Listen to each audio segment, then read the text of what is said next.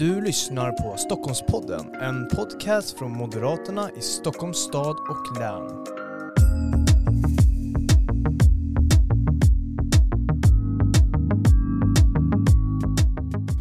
Ja, varmt välkomna till ännu ett avsnitt av Stockholmspodden. Det här är ju Moderaterna i Stockholms stad och läns podcast där vi pratar med våra främsta företrädare, eh, andra aktörer från samhällets olika nivåer. Men idag ska vi även prata med våra tjänstemän. Det är nämligen så att vi har med oss Lars-Peter Svärd. Du är, vem är du? Ja, eh, min roll just nu är att jag är chefombudsman på eh, förbundskansliet Stockholms stad och län. Och chefombudsman är den högsta Ja, det är väl eh, den, den högsta tjänstemannen och chef på förbundskansliet. Mm. Och vi har också med oss Karin Julin och du är? Eh, jag är organisationschef för Moderaterna och chef för Moderaternas partikansli. Mm. Varmt välkomna till Stockholmspodden ska jag ju säga och eh, jättekul att ha er här. Det är ju så här att vi idag ska, vi brukar ju prata politik i, i, i den här podden och vi ska ändå beröra lite politik idag skulle jag säga, men kanske lite annorlunda ämne. Det är så vi ska prata det moderata ledarskapet. Eh, och vad är det undrar ni? Jo, eh, det ska inte jag berätta, men vi ska snart gå in på det. Jag tänkte bara liksom inledande, lite inledande prat innan vi går in på det. Och det skulle vara intressant att veta era bakgrunder lite. Alltså hur, hur har ni hamnat eh, som, som hö, hö, ska man säga, höga tjänstemän inom Moderaterna? Vi kan, vi kan börja med dig LP, för det ser, du funderar ser jag. Ja, precis. man, man, man tvingas ju tänka till när man får en sån här fråga som man inte får dagligen. Eh, nej men i, i, i, grund och botten, att man hamnar i ett politiskt parti handlar ju i grund och botten oftast om liksom en, eller nästan alltid ska jag säga, om liksom en politisk övertygelse. Så att från att man gick med i MUF, när, eller man, eh, när jag gick med i MUF, jag var 13 år, eh, utan någon påverkan av människor runt omkring mig så har man ändå liksom varit inte nära politiken, men man har alltid varit politiskt intresserad. Sådär. Eh, och sen var det väl nästan på ett, liksom, typ, för min del ett bananskal som jag halkade in på det här. Eh, fick en chans att börja jobba på Moderata ungdomsförbundet efter liksom, lumpen. Och sen, eh, och sen var jag väl vid något tillfälle så säga, utanför partiet. Men eh, via ombudsmannaroll i Uppsala län eh, till eh, uppgift, eh, tjänst på riksorganisationen i valrörelserna faktiskt, 2014 och 2018 så hamnade jag på chefombudsmannaposten för två år sedan ungefär. Mm. Tack för det. Vi går vidare till Karin. Nu får du köra en liten backstory. Ja, eh, jag har ju faktiskt ingen bakgrund eh, inom MUF, vilket många hos oss faktiskt har, vilket är bra. Eh, för mig handlar det egentligen om ett brinnande intresse för samhällsfrågor och engagemang egentligen att kunna påverka och göra Sverige bättre. Ehm, jag började jobba för Moderaterna 2010 eh, och det handlade egentligen om att jag då och nu var väldigt intresserade av frågor som rör hur jobben egentligen kan eh, bli fler i Sverige. Jag har en bakgrund då att jag hade jobbat på en eh, a-kassa innan. Ehm, då träffar man väldigt många personer som inte har ett jobb av naturliga skäl och det gjorde att jag ville engagera mig helt enkelt för att jobben i Sverige skulle bli fler och blev då eh, anställd lokalt i Uppsala. hade faktiskt Lars Peter eh, som chef eh, just då. Eh, sen så efter det så har jag jobbat som politisk sakkunnig i riksdagen. Jag har jobbat i regeringskansliet, var åter tillbaka i riksdagen efter valet 2014 eh, och sen var jag valledare för EP-valet och sen så halkade jag in på detta jobb som organisationschef. Mm. EP-valet 2019? Jajamensan. Ja, det gick ju bra. Ja, det gick väldigt, väldigt bra. Glädjande resultat där ja. att vi gick framåt. Så det var en riktigt härlig känsla och jag tycker också att det visade på en stor förmåga hos Moderaterna att ladda om och samla hela den kraft som finns i, i partiet och gå framåt. Mm. Och den kraften kommer vi se om ett år igen också för då är det dags för riktig, riktig valrörelse igen. Eh, då ska vi byta regering och behålla makten i, i stadshuset och region i Stockholms län eller Stockholmsregionen. Men, men vi ska ju inte eh, prata om eh, era bakgrunder och eh, gå ännu djupare på det utan den här podden ska ju faktiskt handla om något annat och det är ju det moderata ledarskapet. Och eh, när, när, jag, när jag hör det moderata ledarskapet, då blir det lite så här, men vad, vad är det moderata ledarskapet? Man, man tänker ju på dels våra främsta företrädare i form av Fredrik Reinfeldt, Carl Bildt eh, och så vidare. Kristina Axén Olin i Stockholms stad och sådär när man tänker på det moderata ledarskapet. Men, men vad skulle ni säga att det är? Vem som helst får plocka upp bollen. Mm, nej men jag skulle väl kanske bredda den frågan lite och titta på det generella ledarskapet, eh, politiska ledarskapet i Sverige just nu. Eh, och jag tycker mig se att det ställs och efterfrågas allt högre grad eh, av politiskt ledarskap. Vi ser att arbetslösheten ökar, tryggheten minskar, ökad kriminalitet, välfärden där många kanske ifrågasätter, får man allt det som man egentligen mm. skulle vilja få? Och att det ställs väldigt höga krav krav just nu på lösningar och politiskt ledarskap. Och samtidigt tror jag att det finns ett visst tvivel. Man har väldigt höga förväntningar men man är lite oroad för om politikerna faktiskt kommer kunna leverera det som man känner att man behöver. Och det är väl här någonstans som jag känner att det moderata ledarskapet behöver kliva in och visa fram fötterna eh, än mer. Och det tror jag att Sverige har ett stort behov av. Mm. Nej, jag, eh, precis, jag kan haka på det därför att det är ju Egentligen är ju ledarskap är ledarskap ska jag säga. och det finns ju eh, delar av ett ledarskap som är otroligt viktigt. Det finns eh, ledord och sånt som, som man måste följa för att bli en bra ledare. Men det som är speciellt för politiken är ju att vi är i en, förtroendebransch. Och är du inte en bra ledare så får du inte ett förtroende hos människor runt omkring dig eller dina väljare och får du inte det eh, då kommer du inte bli vald. Så att säga. Så att du, det är ju lite, lite det Karin är inne på att, att eh, vi behöver helt enkelt ett, ett, eh, ett, politiskt ledarskap i det här landet som, eh, som förtjänar förtroende eh, och som kan leda landet och eh, våra kommuner och regioner på ett bra sätt. Eh, ungefär så. Annars är väl ehm, det, det är väl lite speciellt med, alltså om man säger generell, om man inte bara, bara ser det politiska ledarskapet så att säga, i Moderaterna så finns ju också det här organisatoriska ledarskapet. Eh, där vi ju, det är nog lätt att glömma bort eller kanske inte se det utifrån att vi leder ju ideellt arbetande människor i, i, i mångt och mycket. Så det vill säga du ska få, du ska få frivilliga eh, människor att eh, att gå den vägen som är önskvärd för Moderaterna. Så att säga. Det är väl lite speciella för, för oss, att leda ideell organisation helt enkelt. Eh, det finns flera sådana, så att säga, idrottsvärlden är ju åt det hållet också. Men alltså där du måste leda med morötter snarare än med piskan. Mm. Eh, så är det. Så att, ja, långt svar på det, det inspelet. Men. Långt svar på, på en kort fråga. Ja. Om det är tjänst, tjänstemän, tjänstemannacheferna kanske det skiljer sig från politikerna då? Nej, Nej. precis. Det är väl lite så. Nej, men sen kan vi komma tillbaka till liksom hur generellt vad, vad som kännetecknar bra ledare. Det är ju det finns ju många alltså, inkluderande och, och sådär. Mm. Det kanske vi kommer tillbaka till. Mm. Men, men jag, jag, tänker, om, vi, om det liksom ramar in det, det moderata ledarskapet så finns ju ändå någonstans som Moderaterna har jobbat väldigt mycket med internt då. då det här med en värdegrundsprocess och att vi är trevliga mot varandra och vi bryr oss om varandra. Eh, man kan väl nästan, det är ett gediget arbete. Jag tycker att Karin, du kan väl gå lite djupare in på det? Nej men vi har ju under egentligen ja, flera år, två, tre år i alla fall så har vi djupat rejält i alla våra egentligen värdegrunds dokument, olika policydokument och så. Vi har ju ganska många eh, sådana här olika former av dokument och bakgrunden till att det är så många är ju dels det som Lars Peter är inne på är att vi dels har alla våra medlemmar som är, är ideellt engagerade. Sen har vi ju också anställda som man behöver ha olika former av dokument för och så sen till det har vi ju också alla våra förtroendevalda som faktiskt har uppdrag för partiet. Och det här gör ju att man behöver olika dokument för olika typer av målgrupper. Eh, det man kan säga är ju att det här arbetet som vi har genomgått nu och fortsatt kommer genomgå under en bit till framöver, det har ju varit väldigt, väldigt uppskattat i partiet. Det finns ett enormt intresse för att diskutera och djupa och verkligen jobba med de här frågorna tillsammans.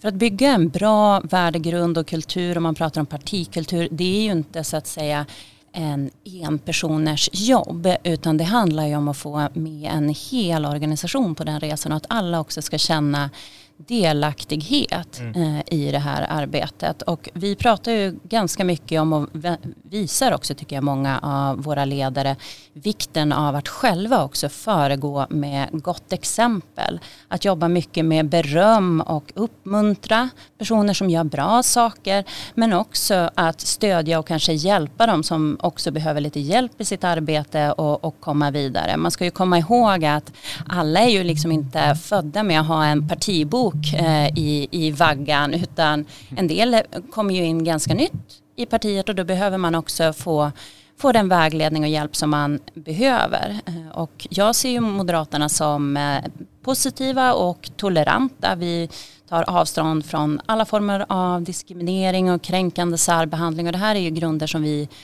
återkommande pratar om i olika sammanhang och jobbar tillsammans med. Och vi kommer, förhoppningsvis kommer vi komma tillbaka med den här frågan också till vår partistämma sen i höst med vår etiska policy som egentligen är vårt övergripande eh, grunddokument i de här frågorna. Mm. Jag tänker att vi, vi kör samma fråga. Det, det är mycket internt eh, och så, men det speglar sig också externt. Eh, Eh, för våra politiska ledare tänker jag när de jobbar i sina koalitioner våra kommuner. Vi styr i, hur många är det LPR? I Stockholms län styr ja. vi, vi är med i styret i 20 av 26 kommuner. Precis, så vi har ju en hel del eh, koalitionspartners ja. att ja. jobba med. Men hur, hur, skulle du säga att, att det moderata ledarskapet eh, bidrar till en fungerande koalitioner som vi kan se i alla våra kommuner? Nej, men jag, jag, jag tror att det handlar väldigt mycket liksom om att alltså ledarskap i det här fallet handlar om respekt. Respekt för varandra men också att veta var man ska någonstans. Det är ju inte det är inte en hopp och lekverksamhet utan du måste ju också kunna leverera resultat är ett, är ett, ett ledord ändå i ett gott ledarskap ska jag säga. Eh, men jag menar vi har ju, eh, jag, jag har antecknat här, vi alltså Moderaterna, skälet till att Moderaterna finns till, eh, alltså enligt vår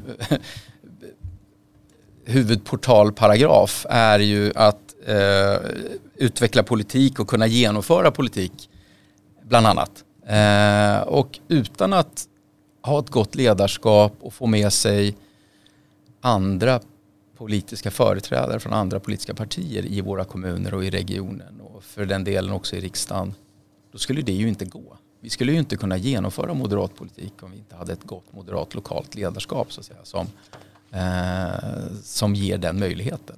Så, så är det ju. Det är ju den enkla sanningen. Liksom. Man måste ha nu är det ju inte så att man kanske måste ha 51 procent med sig utan det är snarare att man inte får ha 51 procent i, i fullmäktigeförsamlingen emot sig snarare. Det är ju liksom den verkligheten vi lever i. Men för att komma dit så krävs det ju ett, ett gott ledarskap ska jag säga. Annars kommer man inte, möjligtvis att man kan lyckas på kort sikt men på lång sikt kan man inte lyckas om man inte har det goda ledarskapet. Mm. Nej men så är det ju. Det handlar ju om att eh, en bra kultur skulle jag säga lockar ju också till sig eh, fler människor. Man gärna vill vara med andra som är engagerade och har roligt. Det är också någonting som man gärna kanske hellre känner att man vill ansluta sig till än där det bråkas mycket och är konflikter. Eh, och med alla våra politiska vänner runt om i hela landet så handlar det ju om att värna de relationer och vårda de relationerna som vi faktiskt har. Nu är det ju lite speciellt i coronatiden när man kanske inte kan ta alla de här kaffekopparna mm. och luncherna och fikapauserna och faktiskt också lära känna varandra lite privat också. Bygga upp alla de här starka relationerna som min bild är att vi har runt om i Sverige som betyder väldigt mycket. Sen kan det vara relationer med olika partier och olika typer av företrädare men det, det är eh, enormt viktigt eh, för oss att hela tiden vara de här som bygger olika relationer och det Eh, I grunden så handlar det ju om att man behöver vara målmedveten och ha fokus på den politik som man vill genomföra men att man faktiskt behöver genomföra den tillsammans med andra. Mm. Och det betyder ju också att man måste ha goda relationer med andra parter. Mm. Skapa nya relationer och sen också förvalta dem. Eh, det ser vi ju mycket nu i att det, det byggs hela tiden nya eh, relationer. Det är inte samma politiska karta som till exempel var för eh, länge sedan. Det är inte samma blockpolitik som, som dominerar. Så det här ställer ju verkligen krav på, på det moderata ledarskapet. Skulle ni se att det har eh, förändrats något? Alltså om vi kollar tillbaka 20, 20 år, när det var, 20 år sedan säger vi då, när det var kanske eh, det var det borgerliga blocket mot det rödgröna blocket säger vi då. då.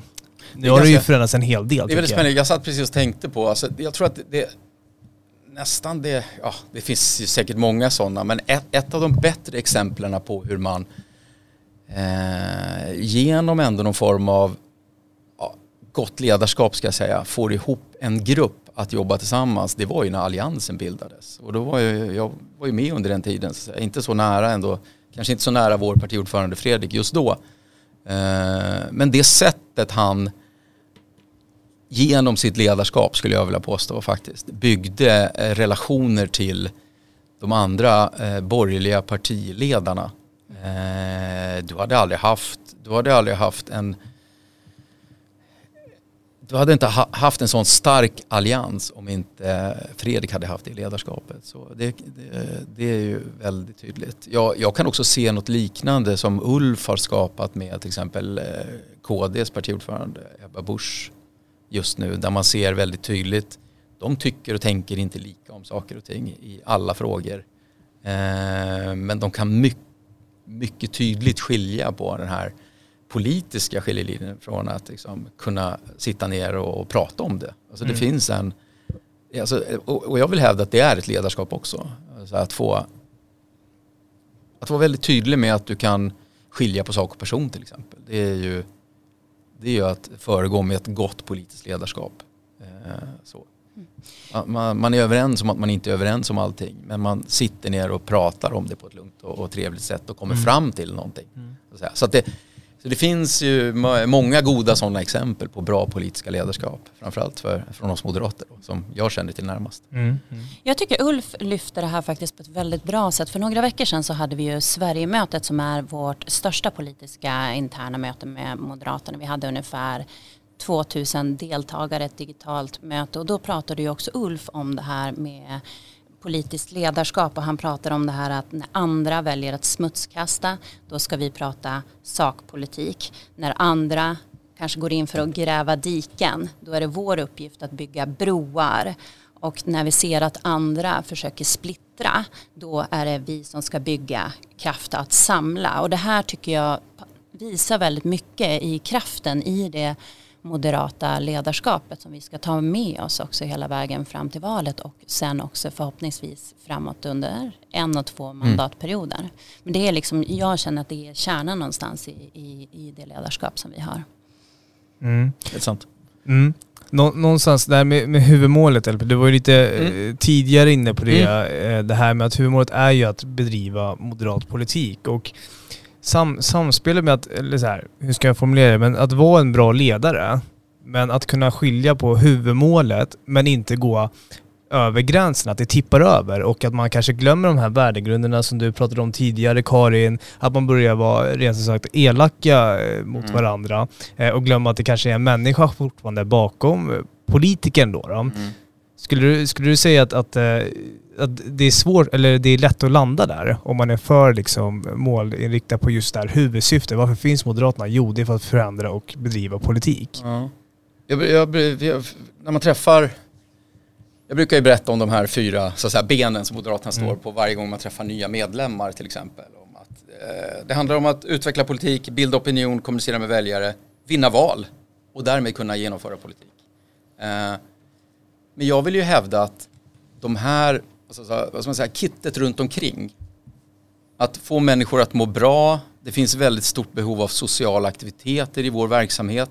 Därför att det leder till, eh, precis de här morötterna som vi pratade om i början, det leder ju till att människor trivs. Och människor som trivs i en organisation gör också ett bättre jobb.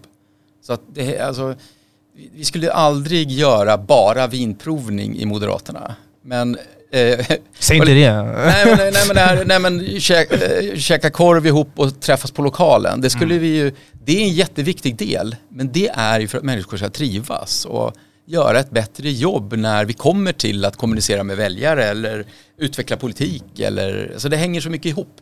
Våra sociala aktiviteter, vi finns ju inte till för att bara göra sociala aktiviteter. Men det är viktigt att göra sociala aktiviteter och ha trevligt och väldigt roligt ihop för att då gör man också de andra sakerna mycket bättre. Det är ju eh, extremt viktigt i en organisation som våran. Som, som bygger på ideella krafter helt enkelt. Eh, så. Mm.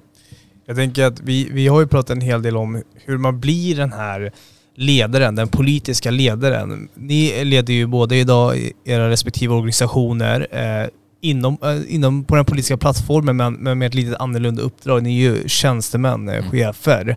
Eh, hur skulle ni säga att, att era uppdrag som, som politiska tjänstemän och där finns ju också ett moderat ledarskap, skiljer sig till exempel från, från våra KSOer, regionråd och så vidare. Och partiledare då. Mm. Det är en bra fråga. Jag tror att det i grund och botten är det ju som sagt ledarskapet är ju detsamma oavsett egentligen vilket ledarskap man har kan jag tycka. Men för, för, en, för en tjänsteman i partiet så är det ju extremt viktigt liksom inte, att, inte att, ta, eh, att vara väldigt objektiv. Det är ju ett viktigt, ett viktigt ledord för, eh, för en tjänsteman. Man, man, man måste ju vara eh, du måste vara väldigt ödmjuk men du får samtidigt inte bli menlös. Alltså det finns ju eh, ungefär så. Alltså du, du måste kunna vara tydlig ibland men i det stora hela så är det ju liksom eh, säga, vad, partiet, vad partiets bästa är. Mm. Det finns ju i vår, i vår verksamhet också en, en sund konkurrens som ju är eftersträvansvärd ska jag säga. Att, att det finns flera personer som söker ledarskap i partiet. Det tror jag ju också leder till att det blir Eh, ett bättre resultat helt enkelt. Eh, en, konkurrens, en sund konkurrenssituation. Så att säga. Och där, ehm, det är väl det tror jag. Och, och, och, där måste man kanske sticka ut på ett annat sätt om man, om man söker ett politiskt uppdrag eller politiskt ledarskap. Alltså som tjänsteman så är det ju otroligt viktigt att man är objektiv i alla, i alla sammanhang. Så att säga. Mm. Ja, det kanske var lite flummigt svar på men den. Det är flummigt svar på en flummig fråga kanske. Nej men jag tror, jag tror som sagt ledarskapet i grund och botten handlar om samma sak. Och det är oavsett mm. egentligen om det också är i politiken eller om det är i, AIK fotboll, alltså så, eh, eller i näringslivet. Eh, mm. Det finns ett antal ledord som du helt enkelt måste förhålla dig till, så att säga, eller, eller ledas av. Men eh, eh, om du skiljer mellan det, det, politiska uppdraget i vårt parti och så här, tjänstemannauppdraget så är det väl framförallt liksom, du, du har ju alltid så att säga, partiets bästa för dina ögon när du är tjänsteman. Och, eh, som, ja, eh, vilket kanske man inte behöver ha utan att man även har det kan vara två olika så säga, vägar som står mot varandra om du, mm. om du söker en politisk väg. Eller eh, förlåt, ett politiskt ledarskap. Mm. Mm. Ungefär, ungefär så kan man säga. Mm. Nej, men sen så ibland så kan jag känna att vi kanske har en fördel som organisation också. För vårt mål är ju ganska tydligt. Eller det blir så tydligt när man faktiskt har en valdag. Eh, att jobba fram emot. Och allt det som vi gör ska ju så att säga bygga stenar på vägen som så att säga upp för den trappan till valdagen så att vi vinner valet. Så det är ju vårt naturliga mål. Eh, och det vi, jag känner att vi mycket jobbar som ledare det är ju att staka ut den här vägen och göra den tydlig för alla våra medarbetare och engagerade personer så att man förstår varför vi gör olika saker, att det är en bit på vägen helt enkelt mot valet. Och sen så känner jag att vi också har en organisation som bygger väldigt starkt på engagemang. De flesta, eller jag tror nästan alla som jobbar hos Moderaterna har ju sökt jobb hos oss för att man vill engagera sig, man vill göra någonting extra. Eh, vi kanske inte är den organisationen som alltid har de flashigaste lönerna eller villkoren så att säga. Så att det kanske inte är därför man söker sig till Moderaterna utan man söker sig till Moderaterna för att man tror på våra idéer och man tror på vår politik och man tror på vår strävan att göra Sverige bättre. Och det är ju någonting som jag känner i alla fall att vi hela tiden behöver hålla levande. Att hålla den här engagemangsnivån uppe. Att man känner att våra arbetsuppgifter och det jag gör oavsett vad det är jag gör om jag jobbar med administrativa saker eller om det är kampanj eller politiskt sakkunnig och, och skriver underlag och gör analyser att man hela tiden känner det här engagemanget och hur alla våra arbetsuppgifter är viktiga just i en steg på den resan till, till det stora målet. Mm. Jag tycker också det är så, jag satt och tänkte på en annan sak, när jag förberedde mig lite så, så funderade jag mycket på det här att det, vi är ju en organisation och det tror jag ju alla politiska eh, partier är så att man står med öppna armar och välkomnar alla människor. Och det är på gott såklart. Men om man gör anspråk på att bli en moderat ledare, att få en ledarroll hos oss, så ställs det ju ganska höga krav faktiskt. Vilket det ska göra också. Jag tycker det är inte, det, det, är, det ska inte vara och det är inte vem som helst som får en ledarroll i, i Moderaterna. Därför att det, det är ganska höga krav på en sån person. Mm. Och, och, det ska det vara. Det ska verkligen vara det. Uh, det är ju höga krav på det moderata ledarskapet. Ja. Vem som helst kan ju inte bli det. Det är, är ju inte den lättaste uppgiften att samtidigt bedriva politik men också få ihop koalitioner, det vi pratade ja. lite om innan. Eh, men jag tycker ändå det var, det du var inne på Karin, lite det här med engagemanget, det måste väl ändå vara den gemensamma nämnare mellan just era uppdrag, alltså eh, chefs, i tjänstemannaroll, men också eh, det, den politiska ledarskapet. Alltså vi kollar till exempel på vår partiledare Ulf Kristersson eller våra kommunstyrelseordförande i, i länet. Mm. Jag tycker det ramade in det väldigt bra. Mm. Och just nu eh, så är det 2021, vi håller på och bygger laget. Eh, och på något sätt så vill vi få upp engagemanget. Eh, både internt i, vår organisation men även utåt också. Vi vill ju att fler människor ska söka sig till oss. Och jag tänkte där, hur, vad är era tankar kring det eh, som, som ledare i, i partiorganisationen? Vem som helst får börja. Det är, det, plocka bollen. Det är otroligt viktigt att vara, jag tror att Karin nämnde det förut, men att inspirera och locka människor till oss eh, genom att vara en god ledare. Alltså, eh, och, och det här med partikulturen och vinnarkultur. Att eh, det är en organisation som du vill komma till eh, och vara en del av.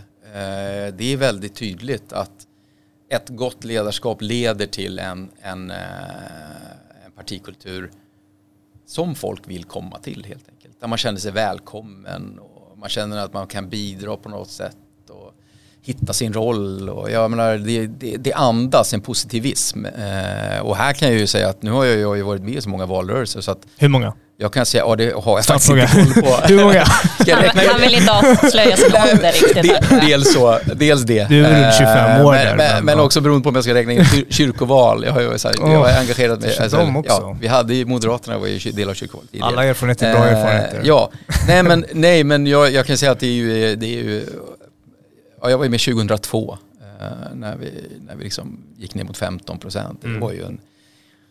då kunde man ju liksom känna på, det, på den kulturen vi hade i partiet att det var ju, det var ju inte en vinnarkultur eh, det valet. Alltså var man med fyra år senare faktiskt när vi liksom är på väg åt ett helt annat håll. Mm. Eh, och det blir ett helt annat valresultat. Vilken, vilken entusiasm och eh, positivism som liksom våra ledare då eh, satte på organisationen. Det är ju som natt och dag. Eh, och det vill jag hävda att det, det är inte bara en slump utan det är klart att det är ett, ett gott eh, ledarskap bakom det i grund och botten. Nej men och grunden är ju också, vi är ju en medlemsorganisation. Ja. Ehm, så att vårt mål är ju hela tiden att vi ska ju inte bara växa så att säga i väljarsiffrorna utan mm. det handlar ju också om att vi vill bli fler och fler medlemmar och då behöver man också ha en organisation som är välkomnande där du som medlem känner att när du söker dig till Moderaterna så blir man väl omhändertagen, man känner att man är behövd och efterlängtad.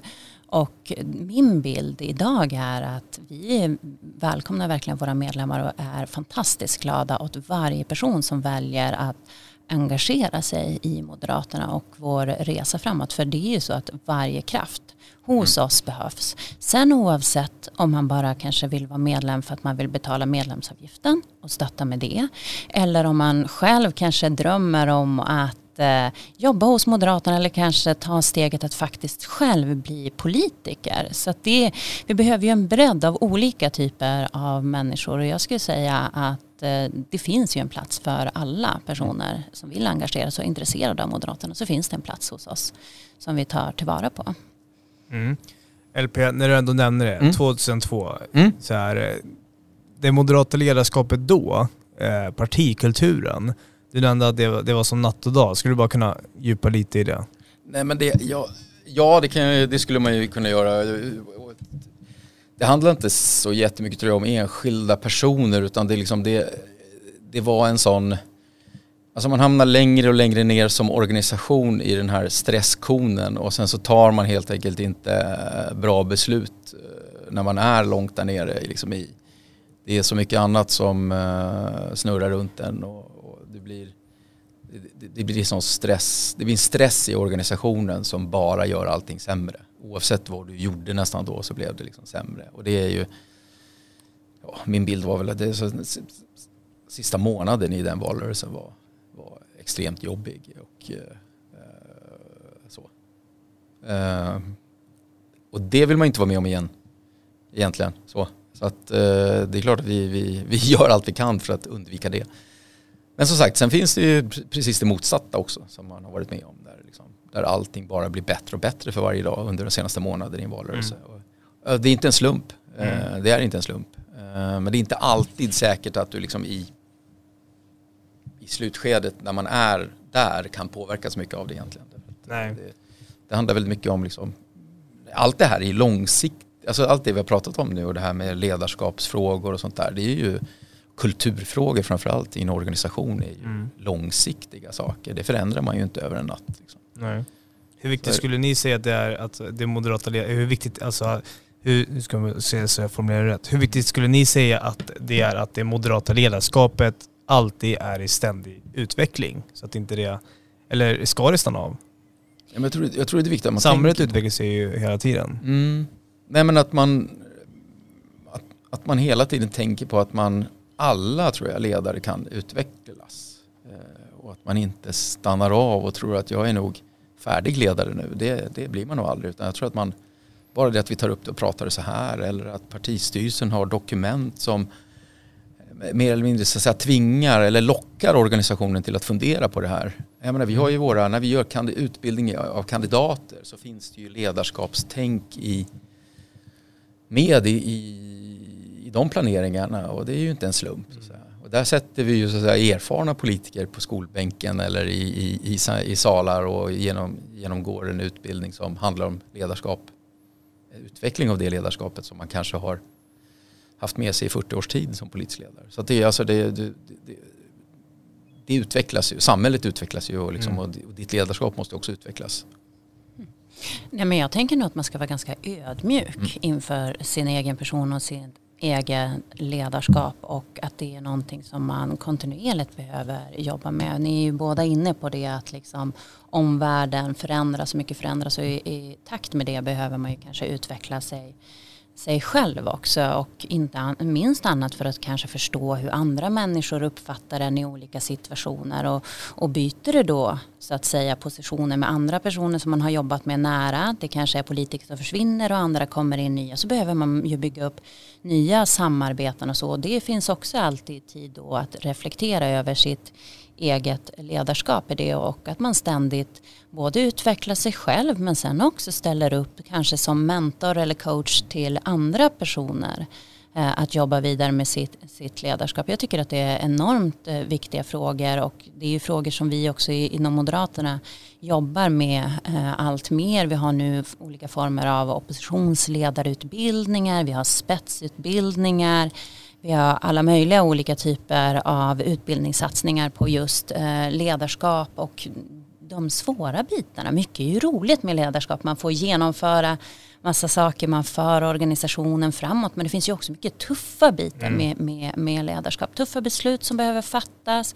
Man behöver vara tydlig eh, och tänka nytt. Jag brukar väl tänka att man kontinuerligt ska försöka tänka nytt eh, ganska mycket. Det blir så, vi får nya olika typer av samhällsproblem som ska utvecklas och man ska finna lösningar för dem. Och sen så förhoppningsvis så kan man väl tänka att Ja, man får väl hoppas att 95 procent av de här lösningarna eh, är bra som man föreslår. Men det kommer ju säkert finnas lösningar eller beslut som man tar som faktiskt inte eh, blir särskilt uppskattade eller faktiskt kanske inte var särskilt bra.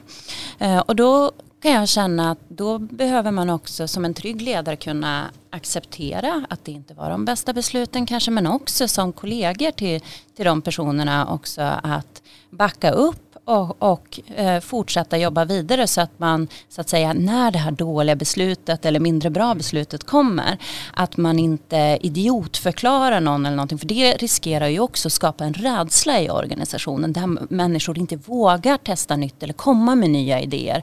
Och det skulle jag säga för en politisk organisation som handlar om att utveckla och hela tiden jobba med för, ständig förbättring så skulle det ju nästan vara livsfarligt mm. att hamna i ett läge där vi känner att vi inte inte längre har högt till tak eller där man inte vågar testa nytt och prova sig fram. Så det är ju också väldigt, väldigt viktigt att fundera på hur vi tacklar och bemöter saker när de kanske inte landar ut fullt som vi hade hoppats. Men det ligger ju också en del i, i ett tryggt ledarskap.